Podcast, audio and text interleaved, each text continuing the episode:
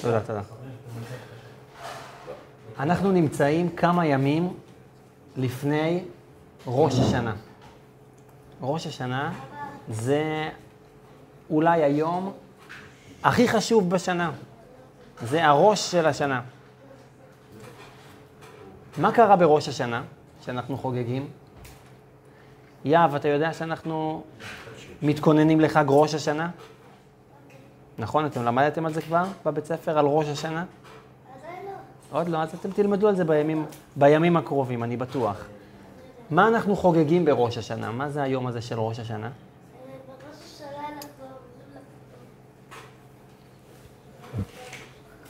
אז אני אלמד אותך, ואחרי זה גם המורה בבית ספר תלמד אותך אותו דבר. ראש השנה, לפי האמונה היהודית, זה היום שבו נברא העולם. זה ההתחלה של, ה, של, של השנה החדשה. יש ספירה עברית, ה' אלפים, תשפ"ד. זאת השנה הקרובה. נכון, עמי, אתה אוחז ראש עם השנה העברית, גם כן שם מציץ. אבל אם אני אדייק, ראש השנה זה לא היום שבו נברא העולם, אלא זה היום שבו נברא האדם, נכון. לפי המסורת היהודית, העולם נברא דווקא בכ"ה באלול. זה היום, אה, היום הראשון לבריאת העולם. ואת ראש השנה שאנחנו חוגגים כמובן באלף בתשרי, זה דווקא יום שבו נברא האדם הראשון. לפי המסורת, לפי מה שמסופר בספר, בחומש, בפרשת בראשית, אה, אז האדם הראשון, אדם וחווה, נבראו רק ביום השישי לבריאה, בערב השבת. ובאותו יום היה גם כן כל הסיפור של חטא עץ הדת וכולי. אבל את החג של ראש השנה אנחנו חוגגים ביום בריאת האדם, ולא ביום בריאת העולם. למה זה? אם אנחנו מציינים את ההתחלה של, ה... של היקום, אז לכאורה צריך להתחיל אותו לפי היום שבו נברא, הכל התחיל. בראשית ברא אלוהים את השמיים ואת הארץ, והארץ הייתה תוהו ובוהו, שזה כמה ימים לפני זה. למה מחוגגים דווקא ביום שבו נברא האדם? אנחנו נגיע לזה עוד מעט, לנקודה הזאת. לפני זה אני רוצה לדבר איתכם איך צריך להתכונן לראש השנה. ראש השנה שזה, כמו שאמרתי, אולי היום הכי חשוב בשנה, צריך להתכונן אליו. ואם נקרא את פרשת השבוע שלנו, נדייק יותר. את הפסוק הראשון בפרשת השבוע שלנו, אנחנו נדע איך צריך להתכונן. בראש השנה, לפי המסורת של עם ישראל, זה בעצם יום הדין. מה זה אומר יום הדין? דור? יום הדין זה יום המשפט, הקדוש ברוך הוא יושב עם ספרים והוא פוסק וחותם כל אחד מה יהיה גזר דינו, לטובה או, או חס ושלום לרעה.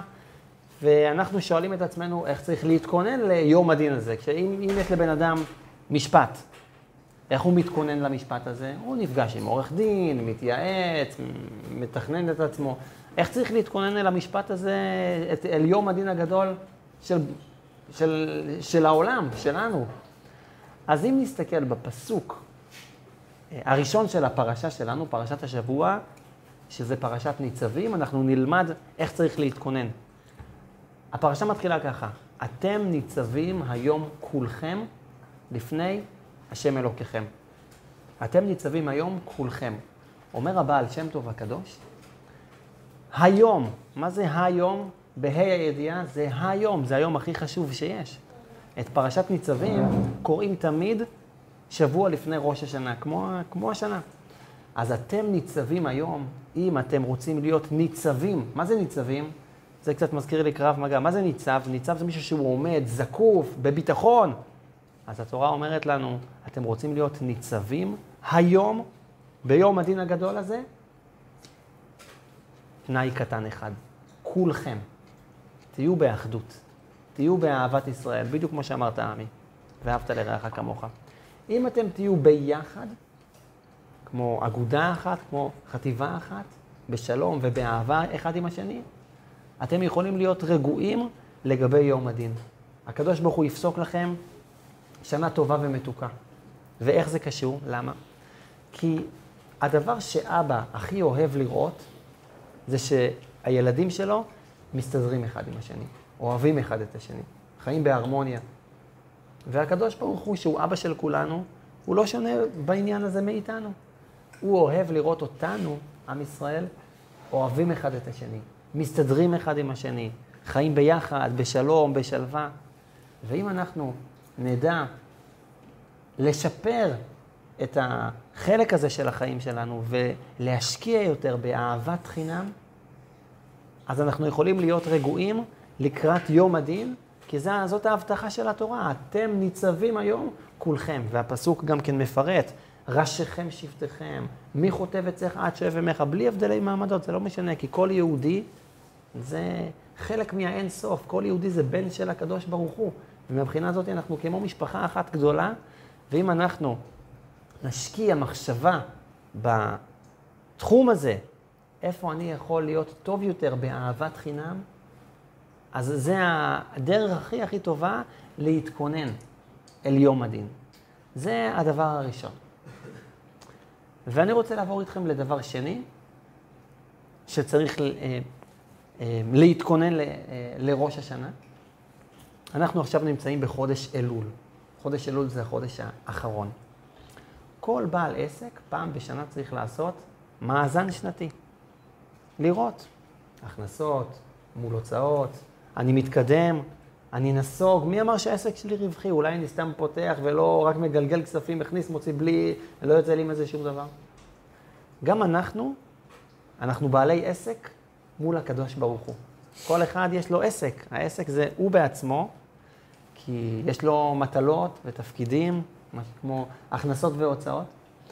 ופעם בשנה, בחודש אלול, זה נקרא גם כן חודש החשבון, אנחנו צריכים לבחון את עצמנו ולראות, אני בסדר, אני לא בסדר, איפה אני צריך אה, להתקדם, איפה אני צריך לשפר את ההתנהגות שלי, מה החוזקות שלי, מה החולשות שלי.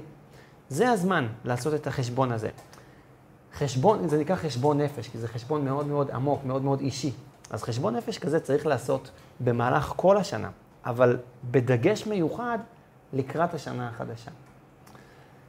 וכאן בן אדם צריך לעשות חשבון, ובחשבונות צריך לחשוב גם על הדברים הטובים שלי, וגם על הדברים שאני קצת פחות טוב בהם, הדברים הרעים שלי, גם על החוזקות וגם על החולשות, על המעלות שלי ועל החסרונות שלי. ובן אדם יכול ליפול קצת לייאוש. אני רוצה להיות טוב. יש את הדברים, כל אחד יש לו רשימה של דברים שבהם הוא רוצה להשתפר. אבל כשהוא מסתכל על עצמו, איפה? שום דבר לא זז. שנה שעברה גם כן הייתי במצב הזה, אני רוצה להתקדם בזה, אני רוצה, ל... אה, אם אני מדבר על, על תחום של רוחניות, של קדושה, אבל זה יכול להיות בכל עניין גם כן. לכל אחד יש, אה, אם בן אדם יעשה, יישב עם דף ועט, הוא יוכל לשבת ולכתוב לעצמו איזה דברים הוא היה רוצה להשיג, והוא לא השיג. איזה דברים הוא חלש בהם, איזה דברים יש, בו, יש לו בהם חסרונות. ולפעמים כשעושים מאזן, אז לפעמים הדברים ה... הלא טובים, לפעמים הם אפילו קצת שוקלים יותר מאשר הדברים הטובים.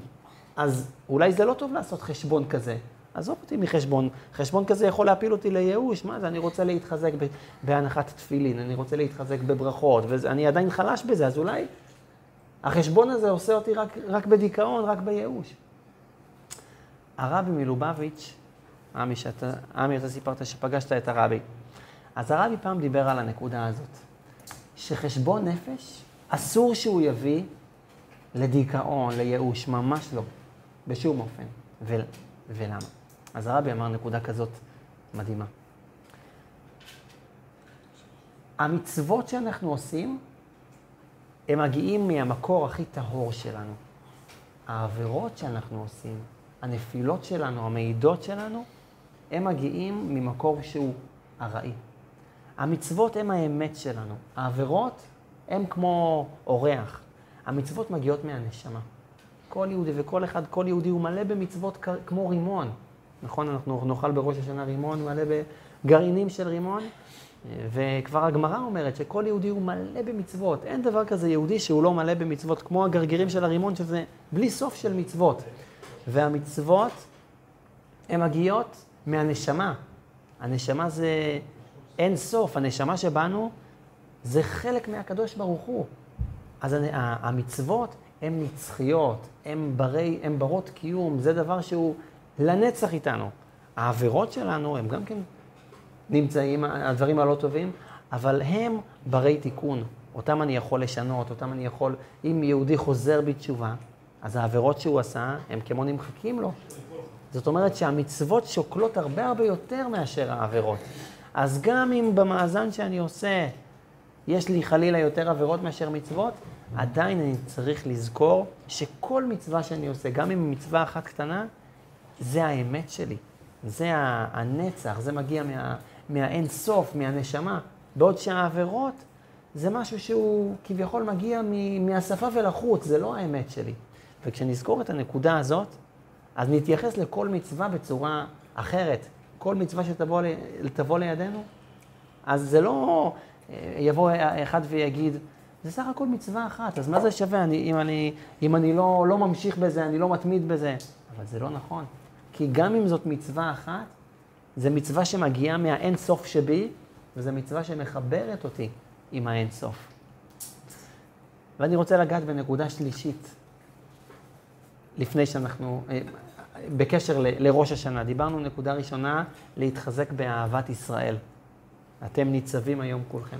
נקודה שנייה זה שאנחנו צריכים לעשות חשבון נפש, לראות מה אני צריך להשתפר, מה אני צריך לתקן, וכמובן חלילה שזה לא יביא אותנו לייאוש, אלא אדרבה, לזכור שהמצוות שלנו, גם אם הן מעטות, הן מגיעות מהאינסוף, מהמקור הכי הכי טוב.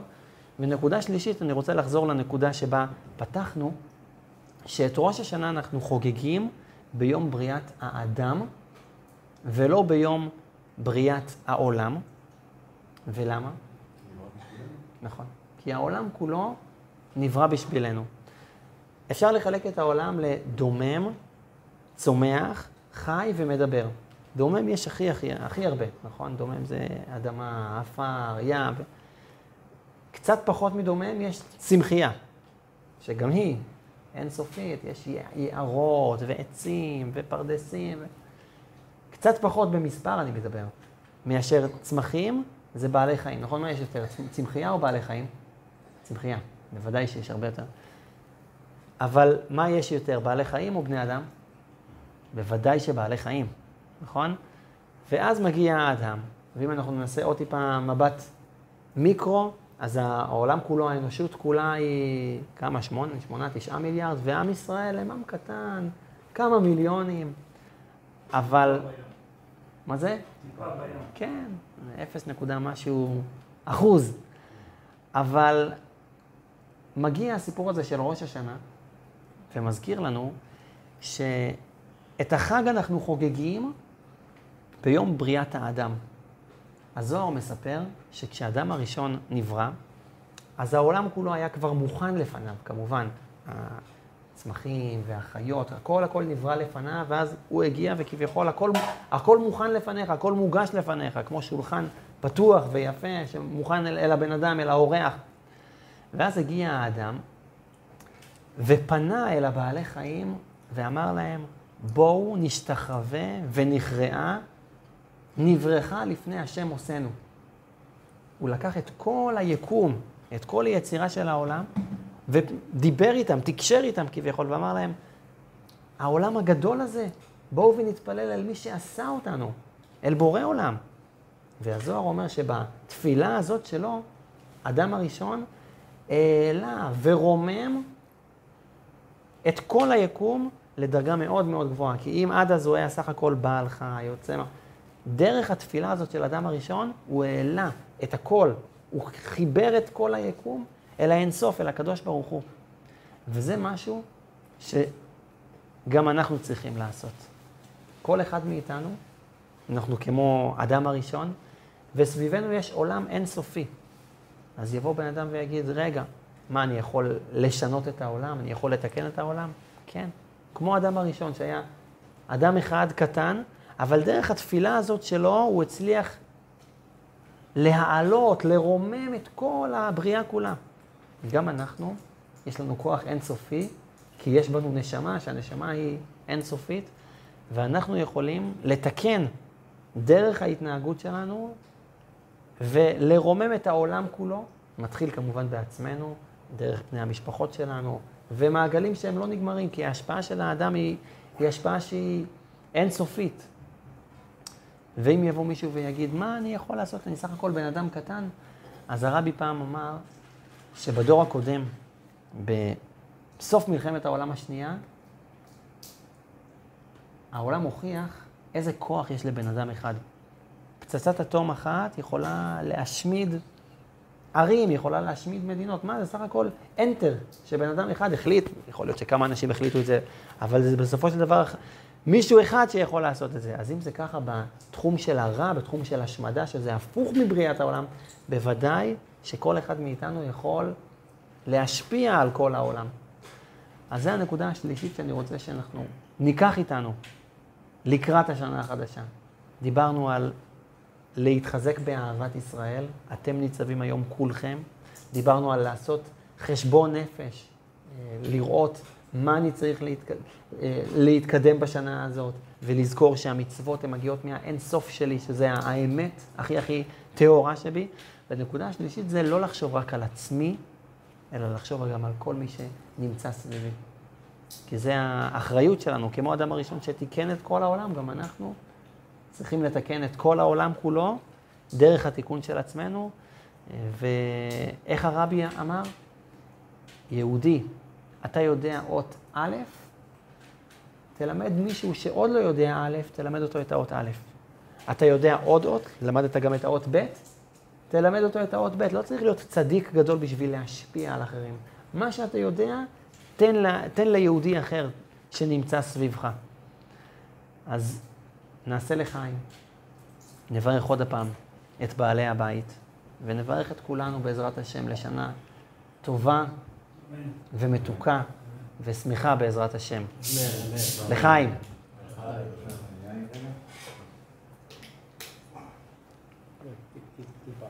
אפשר ללחוץ איתי. לשתות.